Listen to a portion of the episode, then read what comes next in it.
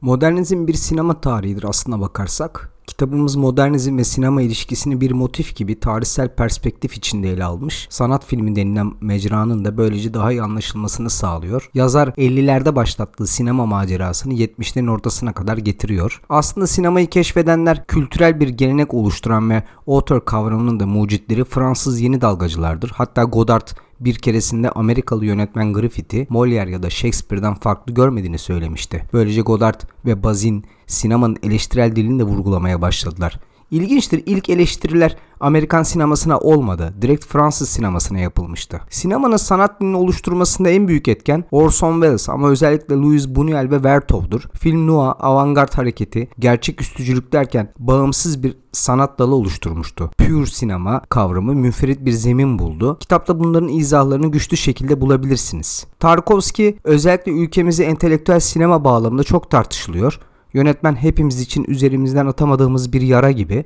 Fakat işin aslı öyle mi? Bilmiyoruz. Tarkovski hep şiirsel bir sinemadan dem vurdu. Eğer bir sanat varsa onun hissi dünyaya ait bir şey olduğunu söyledi bir şeyi entelektüel bağlamda kritize etmekten çok onun bize dokunmasını önemsedi. Mühürlenmiş Zaman kitabı biyografik yanları kuvvetli ruha dokunan bir kitap. İnsan bütün bir dünyayı içine alma yolunda çaba harcıyor. Bunu yaparken tüm arızalarında kusuyor açıkçası Tarkovski. Yönetmenin kitabı ve sineması üzerinde incelikli bir kitap diyebiliriz. Tarkovski tahayyülün sınırlarını zorlayan hakikatçi bir sinema yapmıştır. Zamana ve mekana bağımlı olmayan montaj karşıtı bir sinemadır bu mühürlenmiş zaman metni biraz da bu bakış açısıyla okumak lazım. Roland Barthes'in Kamera Lucida kitabı fotoğrafı adeta ölümle eşdeğer kılan çözümlemeler içerir. Düşünür özellikle gösterge bilme büyük katkılar sundu. Bu aydınlık oda bir gün hepimizi öldürecek gibi duruyordu ona göre. Öyle de oldu. Kitabın ismini Kamera Obscura'ya bir gönderme olduğu açık zaten. Lucida aydınlık demek zira. Kitap fotoğrafın ontolojik yani felsefi varlığını soruşturmaya açılmasıdır. Hatta kitap okuduktan sonra fotoğraf çektirirken bir kez daha düşüneceksiniz. Varoluşsal olarak asla tekrarlanmayacak bir şeyin teknik olarak binlerce kopyasının olacak olması ne demek? Bu karanlığı çağırandır işte. Hatta karanlığın kendisi diyebiliriz. Kesin bir gerçeklik sunduğunu düşünürüz. Lakin bu olumsal olanın diktesinden başka bir şey değildir. Bir yerde oturup içtiğimiz kahvenin fotoğrafını afişe etmek tikelin diktesi hatta yalanın hakim güç olduğunun belgesini sunar bize. Gösterme dili havalarda uçuşan o haz duygusu bizi bizden alır. Kitap bunların üzerine düşünmemizi sağlıyor diyebiliriz. Eğer sinemanın intelekt bir faaliyet, daha doğrusu bir düşüncesinin olması ve büyük ölçüde felsefi bir mecranın kurulmasında Andre Bazin ve yeni dalgacılar bizatihi etkilidir. Bazin aynı zamanda otör kavramının da teorisyeni. Aynı e, Şardu Sinema dergisinin de kurucusu. Yani şu var bir gün Sinema bitse de Bazin sayesinde yaşamaya devam edecek aslında. Kitabın temel iddiası sinema sayesinde felsefe yapmayı öğrenebilirizdir aslında. Özellikle sinemanın tarih, psikoloji, sosyoloji ve diğer alanlarla içli dışlı oluşuna bariz bir örnektir sinema nedir metni. Görüntünün gerçekliği bizi ilgilendirmemeli diyor Bazin. O açıklanabilir bir şey olmalı. Yani üzerine çözümleme yapılabilen bir sinema dilini talep ediyor.